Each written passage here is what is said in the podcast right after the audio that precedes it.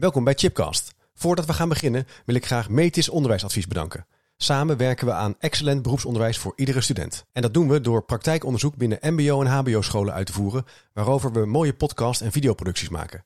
Kijk voor meer informatie op www.metis-onderwijsadvies.nl of check natuurlijk chipcast.nl. En vergeet ook niet de boekenkast van Chipcast te checken. Op www.managementboek.nl slash chipcast vind je alle boeken die in de podcastgesprekken voorbij komen.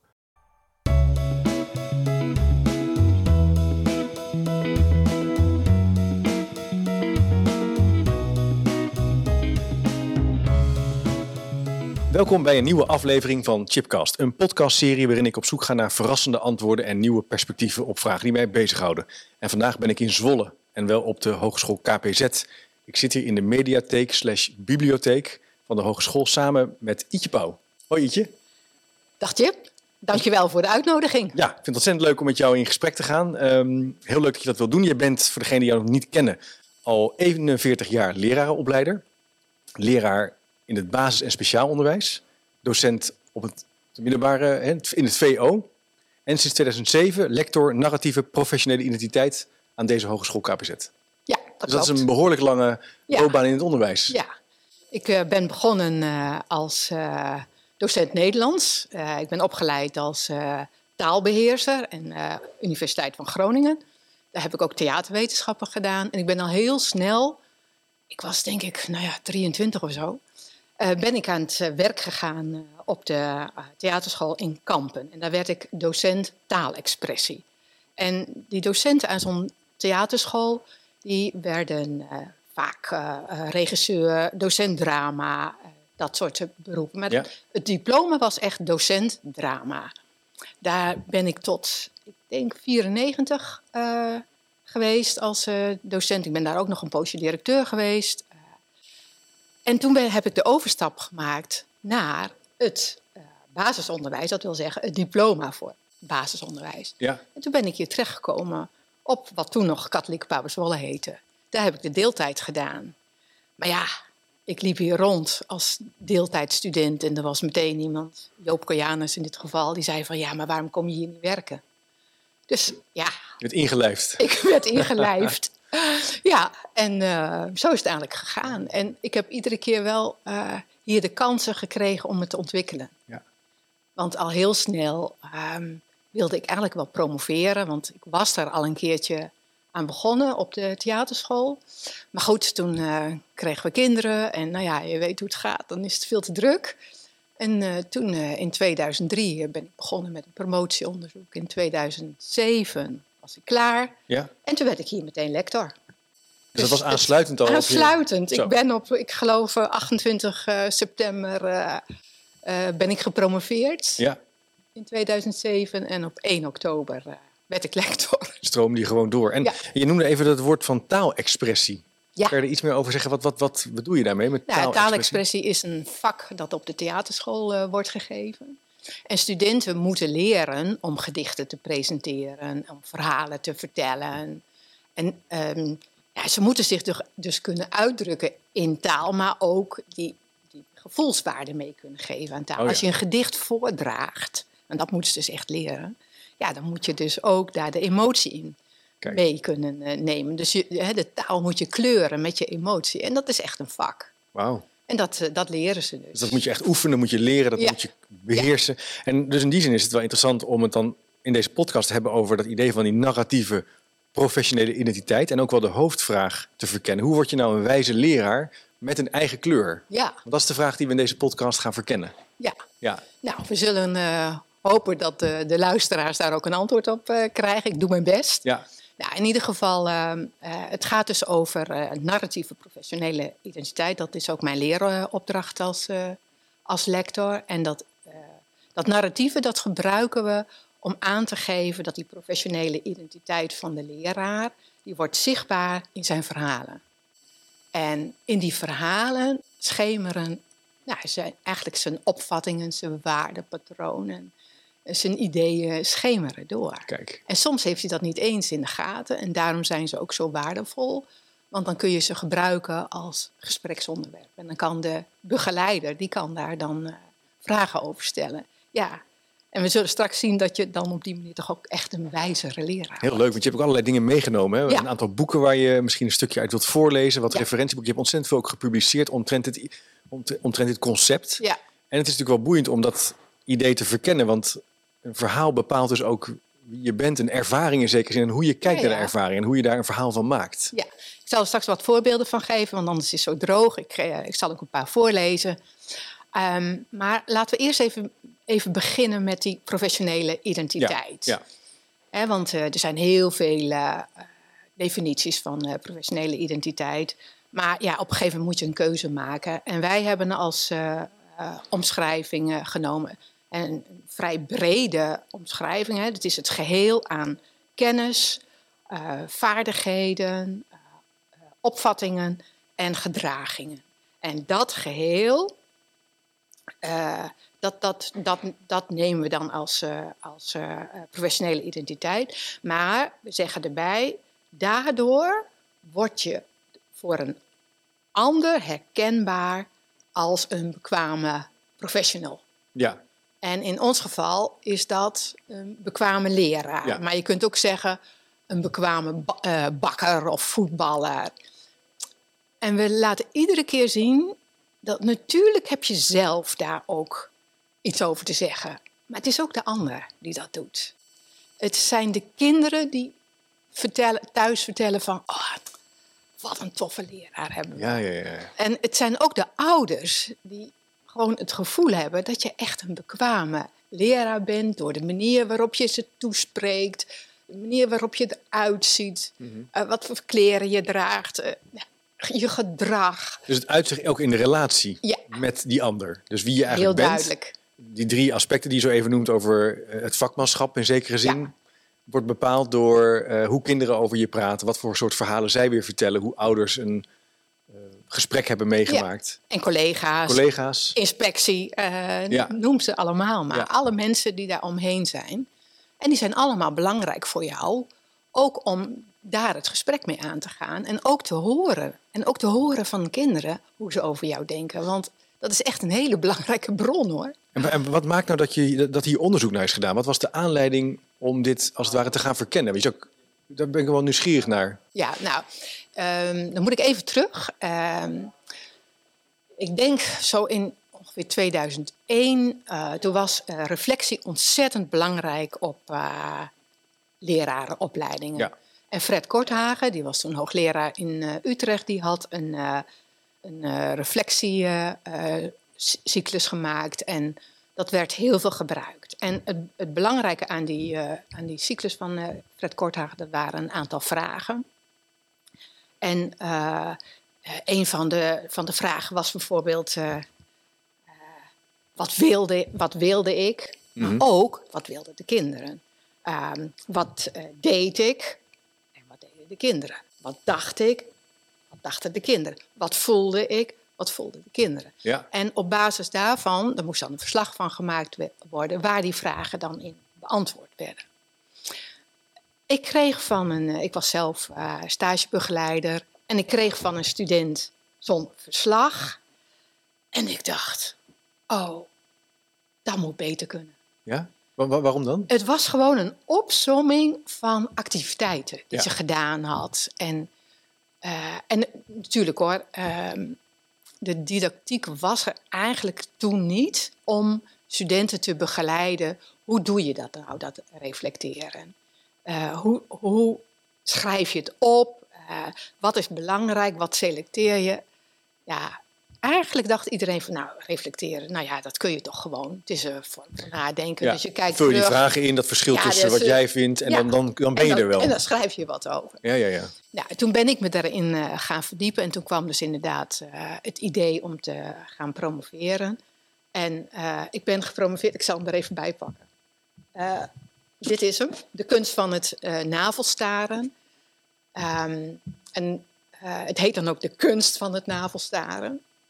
Want wat we, wat we gedaan hebben, is eh, gekeken, nou, wat, wat, wat leveren die vragen nou op voor je? Ja. En toen heb ik gezien dat de inhoud volledig ontbreekt. Want er staat niet van wat heb je gedaan? Wat was je doel? Uh, en heb je je doel bereikt? Dus daar ging het, daar ging het helemaal het, le het lesdoel of in, in, in het specifieke uur in die klas wat je wilde bereiken. Nee. nee. Nee, en wat ik dus ook bij die student zag, dat is dat ze vertelt van... Uh, ik heb een uh, les rekenen gegeven en het ging goed. De kinderen deden goed mee en het was heel gezellig in de klas. Ja, punt. Klaar. Ja. Nou, dus dat, dat is dus één punt. Uh, het andere punt is dat in die vragen van Korthagen...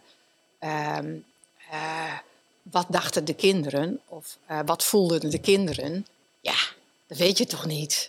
Ik kan toch aan jou niet zien wat je denkt of voelt als je in de je zou kunnen zeggen, dat is ook weer een idee wat er zou zijn gebeurd. Dat is niet anders dan, Ja. dan de vraag Het is daarvoor. speculatief. Speculatief. Ja, hè? het, is, het is echt. eh, ja, dus je, je komt daar ook alleen maar achter om dat aan kinderen te vragen. Ja. Wat vonden jullie van mijn les? En eh, vond je het fijn dat ik eh, die les gaf? Of, eh, en eh, had het ook anders gekund? Eh, nou, nou, dat is, eh, is dus heel bijzonder dat dat gewoon niet gebeurt. En iedereen, elke opleiding, die liep er ook een beetje achteraan. Want hij, kijk, en dan moet ik wel even, echt even eh, aangeven dat wat eh, Fred Korthagen in zijn publicaties zegt, is anders dan de uitwerking Ja. in de praktijk. Maar zou je niet kunnen zeggen dat reflectie is op een gegeven moment een, ook een beetje een, zoals wel vaker gebeurt met nieuwe thema's, wordt het een soort hype. Ja, We denken, oh, dit is de oplossing. Ja. Iedereen moet reflecteren. ja. En dan weten we eigenlijk helemaal niet zo goed nog wat we ermee moeten Nee. doen. En, en jij signaleerde daarin dus al een aantal nou ja, tekortkomingen. Of je Ja. reflecteerde eigenlijk zelf in, op dat proces. En je Ja. dacht, hé, hey, dat kan. Het kan anders. Hè. Dat is Anders. altijd, hè. Je moet het vragen als onderzoeker moet je altijd het vragen, vraagteken waarderen. En voor mij was het echt van, nou, hè, kan dat niet anders? En hoe kan het eh, Ja. dan anders? En wat je, eh, ja, dus nogmaals, hè, wat, wat Fred Korthagen deed, dat is in essentie denk ik veel beter dan wat, er, eh, wat de uitwerking eh, was.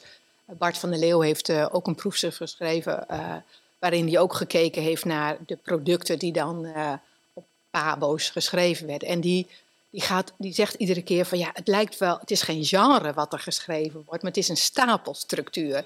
Hè, dus ze stapelen allemaal opdrachten op elkaar, en net zoals nu die antwoorden van die Ja. vragen. En dan denken ze, ja, studenten denken dan dat dat goed is. Nou, en wat ook een, eh, een punt is, dat die arme studenten die eh, moesten, nou, ze, ze liepen denk ik 14 dagen, toen hadden we een periode van 14 dagen stage lopen. En dan eh, dus 14, 14 of 15 dagen. En dan moesten ze echt van elke dag, moesten ze van elke les die ze gaven, moesten ze zo'n verslag maken. Oh ja. Nou, dus ja, dus er waren er 20 dagverslagen. Daar krijg je ook geen zin in op een gegeven moment. Je, helemaal Dus ze werden volledig... 20 dagverslagen Ja, dus ze werden helemaal murf. En, ja. ja, gereflecteerd. en er was een hele, eh, ja, hele weerzin kwam er eh, ten aanzien van eh, reflecteren. En dat snap ik ook wel. En vandaar ook dat we geprobeerd hebben daar toch iets anders tegenover te, te Ja. stellen. Vandaar ook jouw titel, De kunst van het navelstaren. Ja. In de zin van, het, het is meer dan... Het is alleen maar de, meer dan alleen maar terugkijken. Eh, en, eh, of, En, maar wanneer, wanneer kwam, je, kwam je bij dat idee van het narratief dan? Is dat, hoe is dat bij je gekomen? Of, Nou ja, ik heb natuurlijk die achtergrond hè, van dat de theaterschool. ja, precies. Dat had je al wel... Ja, en eh, ik, ik, Mieke Bal is een van de belangrijkste Nederlandse auteur, een Nederlandse onderzoeker, die heeft de verteltheorie eh, ontwikkeld. En ehm, dat boekje is denk ik ergens in de jaren 78, eind, eind jaren 70 uitgekomen. En dat heeft een, op mij in ieder geval een, eh, een eh, hele belangrijke indruk gemaakt. En, Ehm, zij, laat dus, zij laat gezien welke elementen er in een verhaal zitten. En ehm, met, die, met die elementen, hè, dus ze laat zien van, nou, het gaat altijd over personages. Je hebt Mhm. een hoofdpersoon en je hebt vaak een, een, eh, meerdere personen. En die doen iets. En die doen dat met een bepaalde reden. En die doen dat in een bepaalde setting. Dus er is, iets, hè, er is een omgeving, een plaats. En er is een bepaalde tijd. Ja, Het zijn allemaal verhaalelementen. ja. En als je, dat, als je zo'n verhaal leest, dan kun je gewoon. eh, dan zit daar heel veel in. wat je op, in eerste instantie niet doorgrondt. En ehm, Nou, dan komen we ook eventjes bij het boek van ehm, Boeken. Ja, Die laat ook, eh, eh, die doet onderzoek naar. ehm, het is al een heel dik boek over. ja, dat is ontzettend dik. Voor degene die nu kijkt en niet luistert. Het is een heel dik boek. Ik denk wel meer dan duizend pagina's van Ja, Boeker. Met al- 800. 800. Zit op 800 En pagina's. de titel is The Seven Basic Plots. The Seven Basic Plots. Oké, Ja. ja. En ehm, nou, wat, wat, wat eh, Boeken gedaan heeft, die heeft eh, gekeken naar alle belangrijke eh, literatuur. Dus dat zijn natuurlijk gewoon verhalen. Hè? Literatuur is gewoon verhalen. En ehm, die heeft gekeken van, kunnen we nou niet zeggen dat er basisplots zijn? Dus altijd dingen waar het over gaat in het leven. Nou, daar noemt hij dan zeven van. En eh, in ons onderzoek eh, gebruiken we daar vier van. En eh, daar zal ik straks wat meer over vertellen.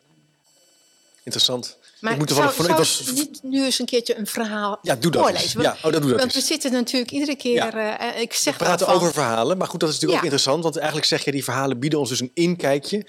Veel rijker dan alleen het reflectie, de reflectietool op Ja. zich. En ze laten iets zien, ze maken iets, eh, zetten iets in het licht wat je anders niet in het licht zet. En je hebt iets meegenomen om voor te Nou ja, lezen. weet je, eh, ehm, eh, kijk, waarom schrijven mensen verhalen? Of waarom zijn we eigenlijk bezig met verhalen? Het is misschien wel leuk om... Oeh, mijn water.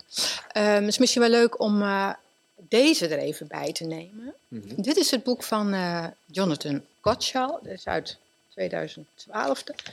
Heeft hij dat geschreven? En de, hij- het gaat over de storytelling animal. En dat is natuurlijk de mens, De mens. is de storytelling animal. En hij laat zien, ja, mensen die hebben, nou ja, een hele, alle eh, eh, eeuwen geleden al eh, hebben ze verhalen verteld. Ze zijn eigenlijk altijd al aan het vertellen geweest. En dat doen ze om greep te krijgen op hun werkelijkheid. Ja. Dus om te snappen, eh, hoe komt het nou dat het donder is, ik noem maar wat. Of hoe komt het nou dat je doodgaat? Of hoe komt het nou ehm, dat er eh, oorlogen zijn? Of eh, dat, dat de oogst mislukt? Of hoe komt het nou dat, er, dat we ruzie krijgen? Of hoe, wat, wat is verliefdheid? Nou, hij laat dus op een prachtige manier zien waarin mensen zich onderscheiden van dieren. En dat is dus dat verhalen vertellen. En dat empathisch vermogen dat je opwekt door verhalen. Dat we dus worden Ja. geraakt door een verhaal. Je wordt geraakt door een verhaal en je krijgt begrip voor een bepaalde situatie. Je krijgt inzicht in een bepaalde situatie. En eh, eh, ja, je, je, ja.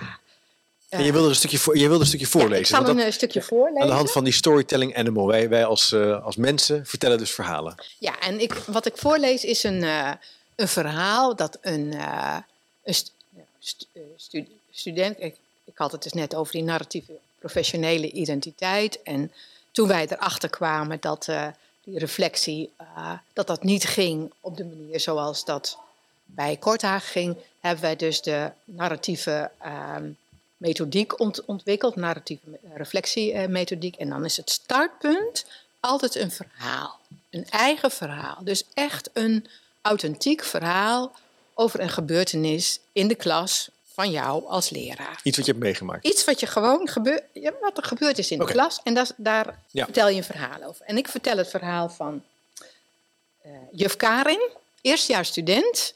eh, en ze loopt stage op een kleine dorpsschool hier eh, in de buurt. En het, de titel is Vieze Lize. Ze wordt gebracht door haar broer uit groep 6. Hij helpt haar met de jas, geeft haar de tas en terwijl hij al naar zijn eigen klas loopt, roept hij nog: Ik haal je om 12 uur. Verlegen staat het meisje bij de deur. Ze is klein. Ze kijkt om zich heen en loopt dan naar de stoel met haar naam: Lise. Ze is de eerste. Dag Lise, goedemorgen. Fijn dat je er weer bent. Ze kijkt me even aan, maar zegt niets. Wil je geen boekje pakken? Dat mag hoor. Kies maar één. Ik pak een paar boekjes van de stapel en houd ze haar voor. Dan zie ik het. Ze is vies. Haar kleren zitten vol vlekken. Ze heeft een snotneus en op haar wang zit jam. En om haar mond zit bruin spul dat op chocoladepasta lijkt. Ze kijkt naar de boekjes en pakt de bovenste. Haar handen heeft ze al lang niet gewassen en op haar rechtermouw zit een klodder snot. Voorlezen? hoor ik haar vragen. Ik kijk haar aan en zie twee blauwe ogen, ogen met de slaap nog in de ooghoeken. Juf, wil je voorlezen? vraagt ze opnieuw. Er is nog niemand in de klas, alleen wij tweeën. Wat moet ik doen? Ik probeer me over mijn afkeer van haar heen te zetten en zeg: Is goed, Lise, ik kom wel bij je zitten. Haar gezichtje begint te stralen. Ik ga naast haar zitten en opeens ruik ik het. Ze stinkt. Ze stinkt gewoon, niet om te harden. Plotseling legt ze haar gezicht tegen mijn arm. Ik trek mijn arm terug en zie haar snot op mijn witte blouse. Lise schrikt van mijn reactie als ik mijn arm terugtrek. Ondertussen komen meer kinderen in de klas. En tegen Lise zeg ik: Straks ga ik wel voorlezen. Ga eerst zelf maar lezen. Ik zie de teleurstelling in haar ogen. Ik ga gauw naar de personeelstoiletten en maak mijn blouse schoon. Bah, wat vies. Wat is dat kind vies. Als ik terugkom, staat Lise bij mijn bureau met het boek. Juf, ga je nu voorlezen? Mag ik naast je zitten? En ze klimt op mijn bureaustoel en ik ruik haar kleren en voel walging opkomen. Ik kan toch niet naast dat vieze kind gaan zitten? Dan komt juf Marjan binnen. Dag Lise. Oh, heeft je broer je weer gebracht? Moest hij je ook helpen met wassen en aankleden? Dat kan ik wel zien. Dat kan hij niet zo goed, hè? Nou, kom maar mee. Dan gaan we even naar de wc. Ik heb ook nog wel een schone onderbroek voor je. Juf Karin, begin maar vast met het kringgesprek. Ik voel mijn wangen gloeien. Dit had ik zelf ook kunnen bedenken. Zo. Nou, dat is het verhaal van juf Karin, een eerstejaarsstudent. En ik vind het echt zo'n moedig verhaal en tegelijkertijd ook zo'n prachtig verhaal. En wat zit daar wel niet allemaal in? En er zit eigenlijk ook een reflectie in het verhaal. hè? Dat ze dus aan het eind dan al voelt van, oh, dit had ik dus anders, anders moeten doen. En, en aan de ene kant uh, ziet zij een kind dat aandacht nodig heeft en uh, die wil ze ook wel geven. Uh, maar aan de andere kant is het een hele, heel onaantrekkelijk kind. Ze stinkt, ze is vies. Nou ja, en wat, je, wat je ziet is dat zo'n eerstejaars heeft dan een beetje het frame van, nou ja, hè, kinderen verdienen aandacht. Ja. Die moet ik geven. Ja. Ja, en aan de andere kant heeft, ze haar, heeft deze juf Karin haar eigen opvatting van, ja, maar ehm, kinderen moeten wel netjes zijn en moeten mij ook een beetje respecteren in mijn persoonlijke ja. ruimte. Nou ja, en dus haar ideeën over nou, wat schoon is en uh, nou ja, haar esthetische ideeën, die botsen met wat dat meisje van haar nodig heeft. Ja, en ook wel in zekere zin. schrijnend. Het, is heel, het, is, het begint bijna als een, uh, dat je denkt, wordt een grappig verhaal. Ja. Vieze Lise, hè? En, ja. en in één keer draait het naar een heel pijnlijke uh, ja. constatering. En en blijkbaar is het verhaal ook wel belangrijk. Zou die hygiëne ook een voorwaarde zijn voor contact bijna? Dus ze kan dus ook geen contact. Op een gegeven moment kan niet. Nee. Wil ze eigenlijk weg ook, hè? Ze stapt eruit. Het is best wel moedig dat ze dat durft op te schrijven. Ja, nou ja, en um, kijk, ze, ze, uh, ze, ze, begint ook te zeggen met uh, fijn dat je er uh, weer bent. En, ja. Uh, het is, dus als stagiair heeft ze echt, nou ja, ze wil gewoon echt het, het goed doen. Ja. Maar het lukt haar, haar niet. Um, haar, haar emotie van, ja, ze zegt zelfs op een gegeven moment, gebruikt ze het woord walging. Maar ze, het lukt haar niet om over deze emotie heen te stappen. Dus die emotie ja, blokkeert, blokkeert ook haar empathie. Maar dat is natuurlijk wat docenten en leerkrachten, wat ik soms erger je ook aan iets. Of soms heb je ja. moeite met iets wat er in een ja. klas gebeurt of met een student. En blokkeert je dat zelf. Ja, als, omdat het iets gaat, zegt over je waarde. Ja, dat, dat, dat uh, ja. Je bent niet voorbereid. De, en dat, dat keur ik af. Omdat in mijn waardeset is voorbereiding heel belangrijk.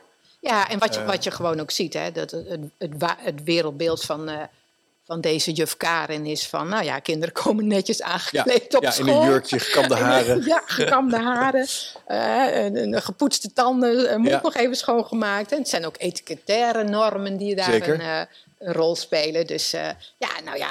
En wat, wat, wat, dus met zo'n verhaal, wat kan je daar dan mee doen? Wat is nu dan de... Nou, de, de, de opdracht is dat, dat studenten dan in ieder geval. daar komen we straks wel eventjes op als ik het wisdommodel uitleg. Maar de bedoeling is dat ze aan zichzelf de goede vragen stellen. En dat ze dus met behulp van literatuur die vragen gaan beantwoorden.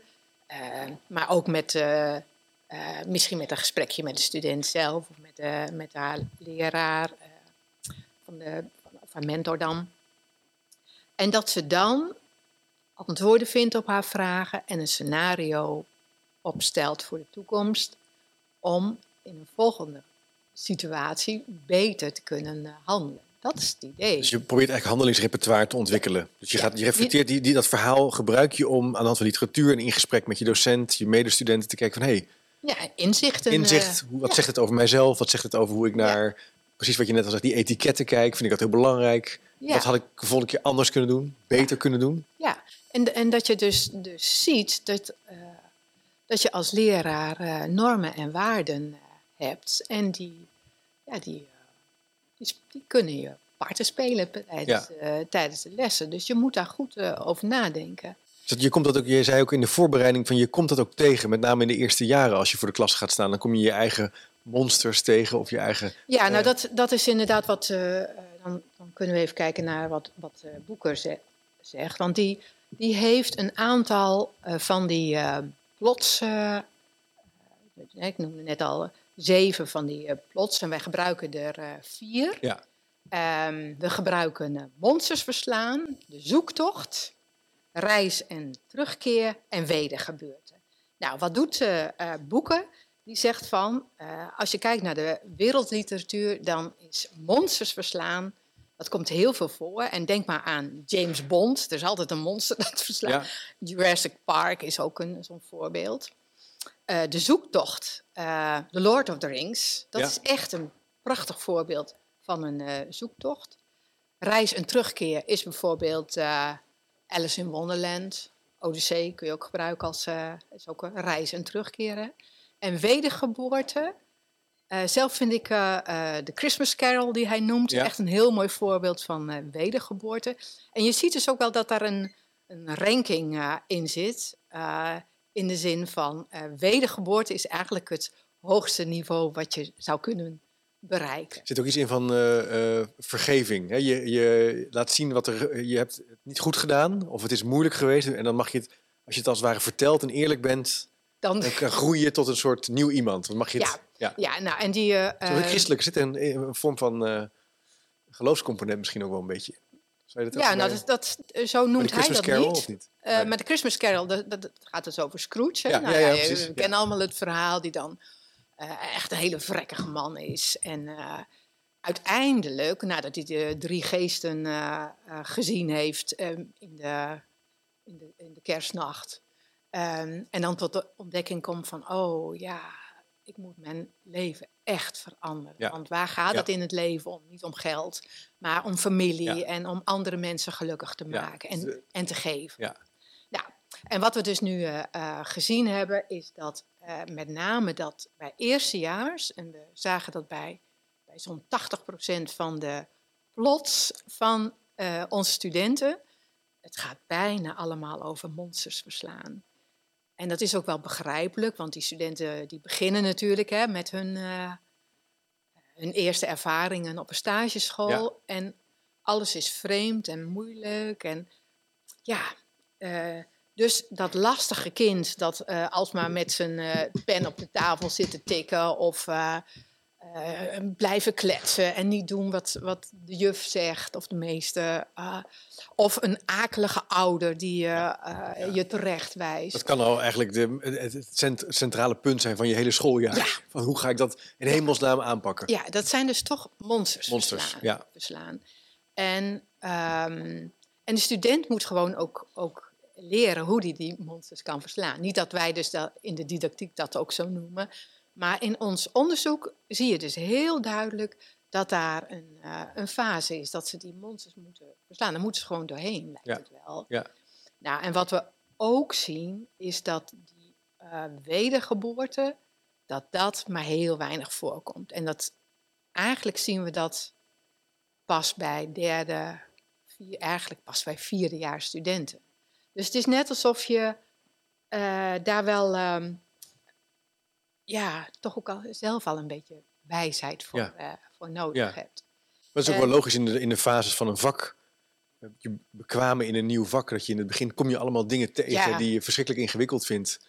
Ja. Eh, ik heb toevallig hiervoor met eh Allard Joosten, die heeft een boek geschreven over studenten motiveren om te leren. Die zegt, ja, in het eerste jaar red ik het, hè? Kan ik goed de dag doorkomen? Heb ik goede, heb ik mijn werkvorm goed voorbereid? Hoe ga ik het nakijken doen? En dan, kom je, en dan naarmate je, je vordert in je discipline, ga je misschien ook andere dingen zien, andere dingen meemaken. Ja, maar ik denk dat iedere keer als je weer wat nieuws begint, dat het dan toch net weer zo'n fase is als Dat je weer opnieuw door die fase monster. heen... Ja, ja, oh net ja. alsof dat, het- dat toch een beetje het geval is. Oké, dat je steeds weer door die fases heen Ja. gaat, als het ware. Ja, dat en het is, is ook zou jouw wel, punt eh, zijn. Ja, ja. Ja, want we hebben het ook wel aan eh derdejaars, eh was vorig jaar. Overigens, wat ik nou vertel, dat staat in ons laatste boek. ja. Een eh, leraar met een eh, eigen kleur. En eh, heb ik samen met Wenke Jongstra, mijn collega, hebben daar de, zijn wij daar de editors van. En met, mijn, met onze onderzoeksgroep hebben we daar verslag van gedaan, van al die verschillende onderzoeken. Ehm, maar dus aan derdejaars hebben we ook gevraagd van, nou herken je dat nou dan ook? En die, die zeiden dat met name. Van, "Oh, ja, maar die, dat monsters verslaan, dat heb ik, zodra ik dan weer een nieuwe klas krijg, heb ik toch het idee, ik moet eerst door die fase heen van Ja. monsters verslaan. ja. Nou, niet iedereen eh, komt in die fase van wedergeboorte. Ehm, ja. Klinkt bijna iets boeddhistisch. eh, van we moeten Ja. uit, de, uit de cyclus eh, doorbreken. En, ja, ja. nou ja, goed, dan word je weer opnieuw geboren. Dan zou je Nou ja, eigenlijk dus weer het, andersom het denken. zou, eh, ja.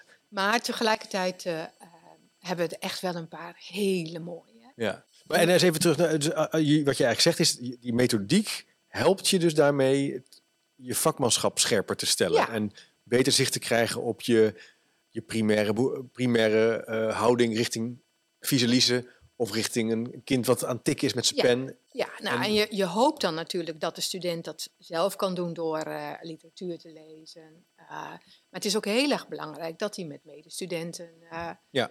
daarover praat. Ja, wa- wat ook zo, zo mooi is, dat we hebben natuurlijk een selectie van de mooiste verhalen hebben wij gekozen. En, en die gebruiken we ook in, in het onderwijs. Gewoon ook om een voorbeeld te geven. En dat studenten ook, ook daardoorheen kunnen kijken. Dat ze Mhm. dus bij visualizen kunnen zien wat het probleem is. Ja. En je hoopt dan dat er toch een soort van transfer plaatsvindt. Van dat ze dat bij zichzelf ook, eh, Ja. ook kunnen zien. Ehm, ehm, als het nou zo is dat je dus in die moment dat je in contact komt met die werkomgeving, dan komen die verhalen, hè, Ja. denk ik. Ja.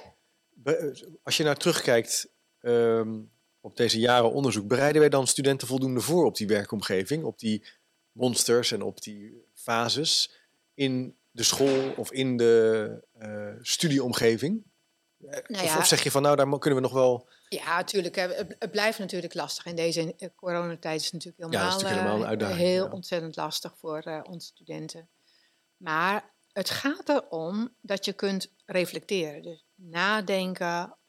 Je moet gewoon blijven nadenken over wat je gedaan hebt in de klas. En je moet je blijven afvragen of het niet beter kan. Dat moet je drijfveer. Er moet Ja. een, een grondhouding zijn dat je altijd denkt, het kan, kan beter. En ook al, eh, want studenten mogen zelf kiezen eh, waar, over welke gebeurtenissen een verhaal eh, eh, schrijven.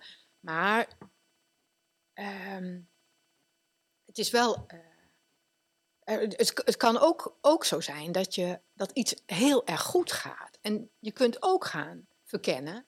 Waarom ging het nou deze keer zo ontzettend Ja. goed? Maar je zegt iets belangrijks. nou gedaan? Er moet een grondhouding zijn van continu willen verbeteren. Ja, je moet dus echt een, Je moet eigenlijk de reflectieve leraar zijn. Ja. Hè, dus altijd Ja, nadenken. maar het klinkt ook wel normatief dat je dat moet zijn. Waarom moeten we dat zijn? Omdat je, eh, ja, je hebt toch de taak om kinderen eh, voor te bereiden op de toekomst. Ja. Kijk, En dat ehm, kan je alleen maar zijn als je je constant verbetert. ja, Dat, is eigenlijk even de redenering Dat die je dan die je neerzet. Ja, oké, ja, ja. Ja.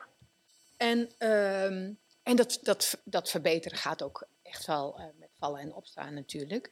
Maar ik wil je nog even een stukje voorlezen van een, eh, van een student waarbij je eh, die we- eigenlijk die wedergeboorte ziet. En dan, dan, ik lees dan eerst even het aanvankelijke verhaal. Een, een fragment hoor, want het wordt veel te lang. Dat lees ik een, een fragment van het verhaal voor. En daarna haar nawoord waarin ze laat zien wat ze geleerd heeft.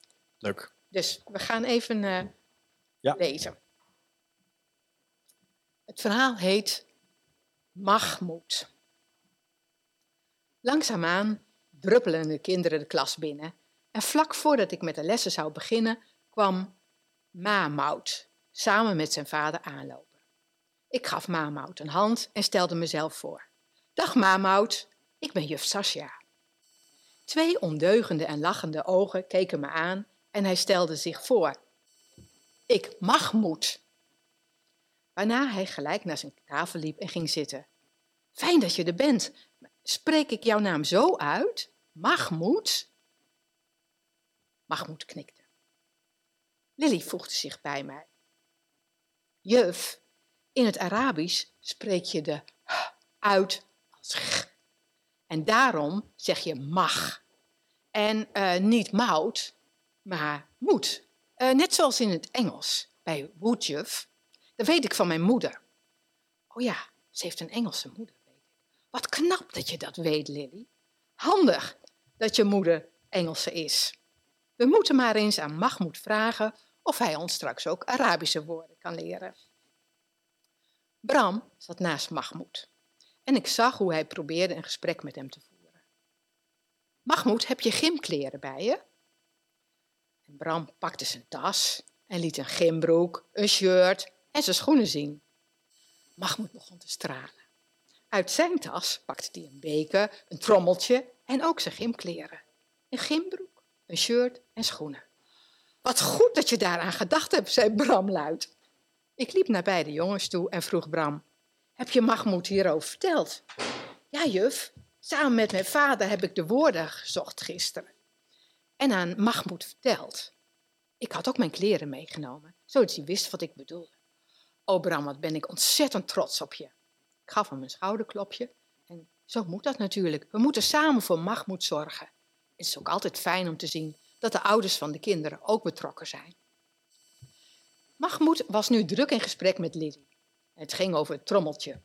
Eten? vroeg Lily terwijl ze gebaarde en haar hand naar haar mond bracht en Mahmoud knikte. De vader van Mahmoud kwam ook even binnen. Hij had eerst zijn dochter naar groep 1 gebracht. Ik liep naar hem toe en wist niet goed of ik nu wel of niet een hand moest geven. Gelukkig stak de vader van Mahmoud al zijn hand uit. En bij het handen schudden merkte ik dat zijn hand in een rare houding stond. Ik keek hem aan en zei: Dag vader van Mahmoud. Ik ben Sascha, ik ben de juf van uw zoon. En de vader keek me lachend aan en ik zag aan zijn ogen dat hij er niks van begreep. Maar ik zag ook zijn lach. Ik niet praten Nederlands. Oh, maar wat goed dat u al een paar woorden spreekt. Ik kon hem alleen maar complimenteren dat hij het al wel probeerde. En ik vond het erg fijn om te merken dat deze man zo zijn best deed om zo snel mogelijk in te burgeren. Hij riep nog iets naar Mahmoud, die riep iets terug en weg was zijn vader. Pas later begreep ik dat de vader van Mahmoud zwaar was mishandeld in de gevangenis, waarbij een aantal vingers verbrijzeld waren en vergroeid waren in een rare stand. Deze, dit is maar een fra- fragment, Mhm. hè, niet alles, maar deze student die vraagt zich dus af, eh, als ze vragen moet stellen over dit stuk, van, nou, hoe kan ik nou Mahmoud leren eh, Nederlands te, te spreken? Dus hoe kan ik hem helpen bij de taalverwerving? Ja. Want hij zit nu in, in deze klas, dus ik moet hem eh, helpen. Ik moet er even bij vertellen, dat ben ik vergeten. Dit is een verhaal uit 2015. Uh, dus het is een, een uh, al wat andere, ander Mhm. verhaal. En ehm, eh, dit, is, dit gaat dan over een Syrische eh, vluchteling. En dan ehm, gaat zij van alles eh, uitzoeken. En dan heeft ze, heeft ze alle, allerlei antwoorden op. En, maar ze heeft de behoefte om nog een nawoord te schrijven. En dan zegt ze van... Het, het is een, eh, deze juf is een deeltijdstudent, moet ik misschien even erbij zeggen. En ik denk dat ze eind 30, misschien begin eh 40 is. En ze, ze wil dus ook leraar basisonderwijs Ja. worden. Hè?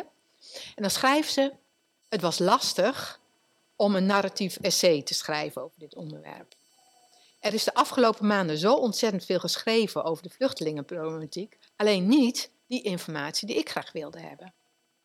Over de opvang van vluchtelingenkinderen in de klas is nog niet veel informatie beschikbaar. Het was dus niet echt mogelijk om mij heel diep in te lezen.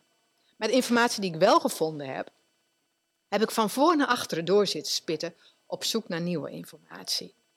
Maar het was echt bar weinig.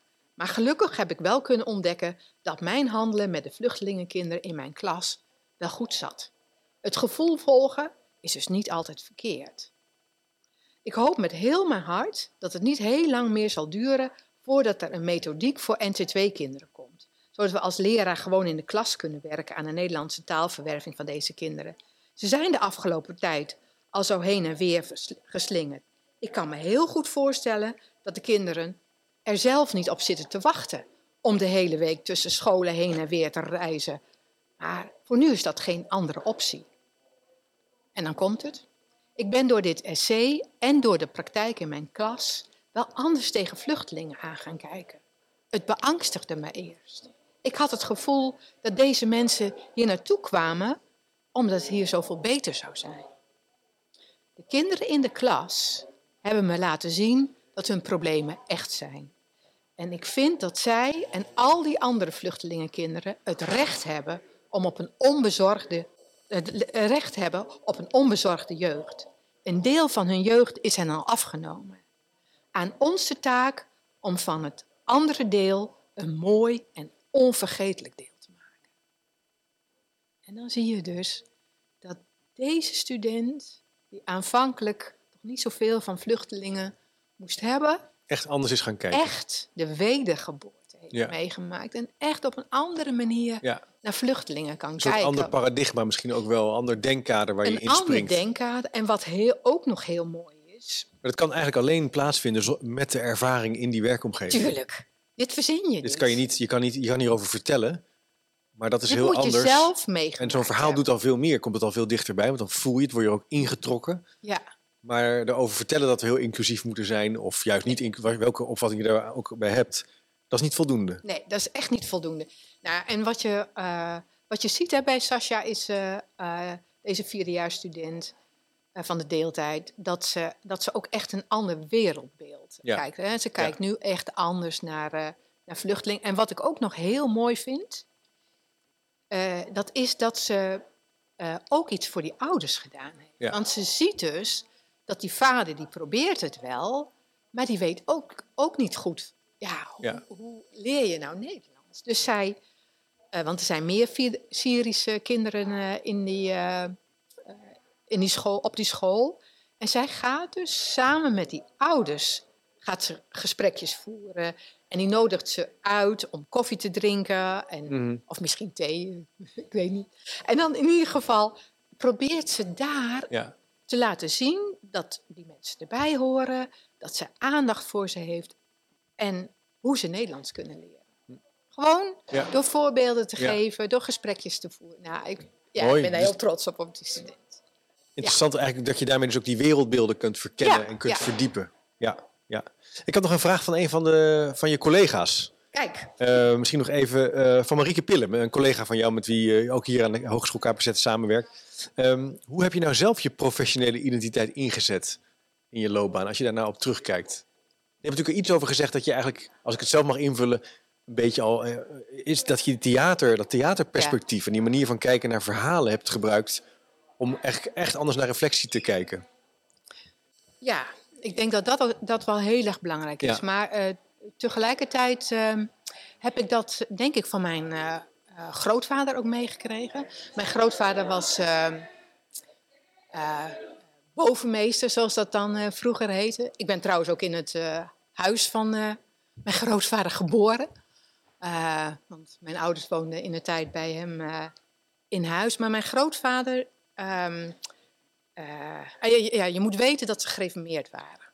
En ehm, eh, toneelspelen is, is nat dan bij eh eh, gereformeerden. Tenminste, toen was dat niet. Het is nu wel wat. wat, wat, Oh ja. maar een samenspraak mocht wel.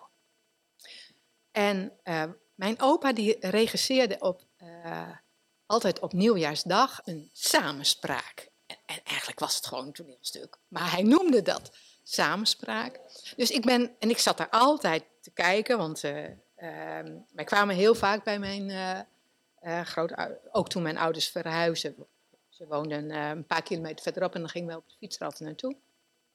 Ik heb altijd ehm, die, die repetities bijgewoond. Ja, Daar ja, heb ik ook zulke warme herinneringen aan. En bovendien, mijn opa was heel erg geïnteresseerd in geschiedenis. En die was altijd geschiedenisverhalen aan het vertellen. Eh, over al die, al die mooie eh, historische verhalen. Over de, de, de boekenkist. En nou al, alle... eh, ja, dus d- daar ging voor mij altijd een wereld open als hij eh, Ja. begon eh, te vertellen. Dus dat vertellen, dat heeft vanaf het begin, heeft mij dat wel zelf geraakt. En toen ik dus ook op de theaterschool taalexpressie eh, lessen gaf, toen probeerde ik ook studenten te, het verschil te laten voelen. eh, hè, als je een, een gedicht van Annie M. G. Schmid, eh, eh, hè, Ik ben stout bijvoorbeeld, hoe je dat dan kunt overdragen. Dus die, dat element zit er altijd in. En eh, samen met studenten heb ik ook heel veel eh, jeugdliteratuur eh, omgezet in toneelstukken, in verhalen. en ook hier toch een aantal. Leuk. Zo ook het belang van iets kunnen neerzetten, iets Ja. kunnen... ja, Ja, ook een rol. Nou, een rol klinkt zo onder. Ik bedoel, je, je, een performance, hè? een Ja. prestatie neerzetten zoals je het ook in een, als je een toneelstuk speelt. ja, maar ook dat, dat regisseren En het regisseren. heel erg leuk Ja. gevonden. Ja, Ehm, ja en, en ik denk ook dat er een eh, creatief eh, element eh, in zit. Ehm, ik, ik had hier ook nog een paar spellen meegenomen. Ja, want je hebt van alles gemaakt. Laten we daar nog eens even. Misschien dat we daarmee kunnen eindigen. Want we, zitten, we zijn een beetje aan eh, het eind Oh, van de podcast gekomen. Nou, wat Dus dan ik, kunnen we ehm, mensen mooi nieuwsgierig achterlaten. ja, Je wat- hebt een aantal van die Ja, producten wat wij, gemaakt. ged- wat wij gedaan hebben, is om studenten op verhaal te laten komen. Dus echt een verhaal te laten vertellen. Want vaak in het begin denken ze, hmm, een verhaal. Hebben we dit, het is een, eh een eh, ganzenbord, een reflectie ganzenbordspel. Nou, Ja. dat doe je gewoon met een, een groepje dobbelstenen, heb je erbij en pionnen. En als je dan op zo'n vakje komt, dan moet je een, eh, een kaartje pakken. En dan moet je dus een verhaal vertellen. Vertel een, een verhaal over je eigen ervaringen vroeger. Of over je stageervaring, ligt een beetje aan waar ze zit. En dan bijvoorbeeld over dat je te laat kwam. Of dat je strafwerk kreeg. Of over die ene leraar die zo eh, mooi kon vertellen. Leuk, dus dan kan je dat in spelvorm doen. Ja, ja. En hier hebben we twee. De een eh, gaat over dit ben ik, hier ben ik trots op. Dus dat gaat over je talenten. En bijvoorbeeld, eh, eh, ik ben nieuwsgierig, eh, ik ben creatief, eh, ik ben consequent, ik kan goed luisteren, ehm, eh, eh, ik kan muziek maken, ik heb overwicht, nou ja, enzovoort. En deze, en dit doe je ehm, ook in een groepje en dan zet je fiches op waar je, krijg je drie fiches en dan mag je op drie dingen waarvan je zegt van nou dat kan ik goed, mag je dan eh, daar een fiche op zetten en dan is de, eh, ook de opdracht van schrijf nu of vertel nu een verhaal in je groepje waaraan je kunt zien eh, dat je eh, veel met muziek bezig bent. Ja, En deze is dan, dat is Leuk. de pendante van, het hier wil ik van afspel. Op dezelfde manier. Dit wil ik nooit meer. Dit wil ik nooit meer. Ik ben vaak boos, ik ben chaotisch, Oh ik ja, voel me onzeker. En daar moet je dan ook een eh, verhaal over vertellen. nou Ietje, eh, ik zal de linkjes en de foto's ook even van de, van de spellen ook op de website Ja, maar mag eh, ik nog plaatsen. even wat vertellen over die wijze leraar? Want die Ja. komt er nu, denk ik, een beetje Bekaaid af bekaaid af. Hè? Ja. Want Wel de hoofdvraag natuurlijk. Ja, Dan word je een wijze leraar. Nou ja, kijk, Nou ja. die- je, wordt, je wordt die wijze leraar door te reflecteren op jezelf. Hè? Door waar te nemen in de klas wat er gebeurt, dat te interpreteren. Ja. ehm, dat te structureren in een verhaal. Tenminste, zo, zo doen wij het dan. En daardoor ehm, de diagnose te stellen van het, eh, van het probleem. En vervolgens de oplossing en een scenario eh, ehm, te bedenken. En dan zodat je de, dus de situatie kunt, ehm, eh, opnieuw kunt doen. En, en, en ook de situatie meester bent. Hè, dus je hebt overwicht over, over die situatie. En, en alleen zo word je dus een wijze leraar. En wat we dus graag willen, dat je een sterke en zelfbewuste professionele identiteit uh, ontwikkelt. Zodat je, en, en dat je weet waar jouw kleur ligt, waar jouw eigen kleur ligt. En zo word je een wijze leraar. Alleen, en dat is wel een punt, het kost wel tijd. Ja. Want zo'n verhaal, dat schrijf je niet zomaar eventjes voor de vuist weg. Want je ziet wel, dus de, de verhalen, de goede verhalen, ja, daar ben je toch ook wel even mee bezig. Het is geen reflectieopdrachtje die je even doorheen jast. Het is niet zo'n verhaal waar we mee begonnen, met zo'n ABC. Nee, maar en zelfs een verhaal kan ook een, het moet ook geen instrument worden. Het vraagt echt wel een soort diepere... Nee, en daarom, hè, we, zijn in, uh, we vragen aan studenten om twee verhalen of twee reflectieverslagen per jaar uh, te schrijven. En meer moet ook niet, want uh, anders dan, ja, dan schiet je je doel voorbij. Maar alleen door zo op deze manier na te denken over jezelf, dan word je die wijze leraar. Waar kinderen recht op hebben. Misschien zijn er wel luisteraars nu die denken: hey, ik, wil, ik heb ook wel een verhaal te delen of een ervaring. Dan is de oproep, wat mij betreft, via chipcast.nl om even je verhaal te delen. Dat kan je overigens ook inspreken, dus dan hoef je niet helemaal op te schrijven. Maar goed, dat er terzijde. Leuk Ietje om met jou hierover in gesprek te gaan. Er zit een enorme ja, body of knowledge achter van jarenlang onderzoek, onderzoek doen en uh, zoeken naar nou ja, de professionele ontwikkeling van, uh, van leraren. Ja, het is altijd, altijd de, de, het eh, onderwijs en onderzoek hebben altijd in elkaar gegrepen. Ja, en die moeten elkaar ook versterken. Die moeten elkaar versterken. Leuk. Um, beste luisteraar, als je nu nieuwsgierig bent geworden uh, en denkt ik heb nog een vraag of een, of een punt van aandacht, ga even naar de website, dan kan je altijd nog een commentaar of een reactie achterlaten. Dat kan ook via social media natuurlijk. Ietje, dankjewel voor je tijd, voor de luisteraar. Ja, ik vond het echt heel erg leuk om met je hierover te praten. En uh, ik heb je werk al een langere tijd gevolgd, ook hier uh, in het masterprogramma van, uh, van de M-Like. Ja, je hoort natuurlijk ook dat we midden in de aula, of ja, het auditorium zitten. Soms komen er studenten voorbij en dan hoor je af en toe even een deur. Ik hoop dat je dat niet erg vond. Dat hoort natuurlijk wel bij als je op locatie opneemt. Ik zou zeggen, bedankt voor het luisteren en tot de volgende keer.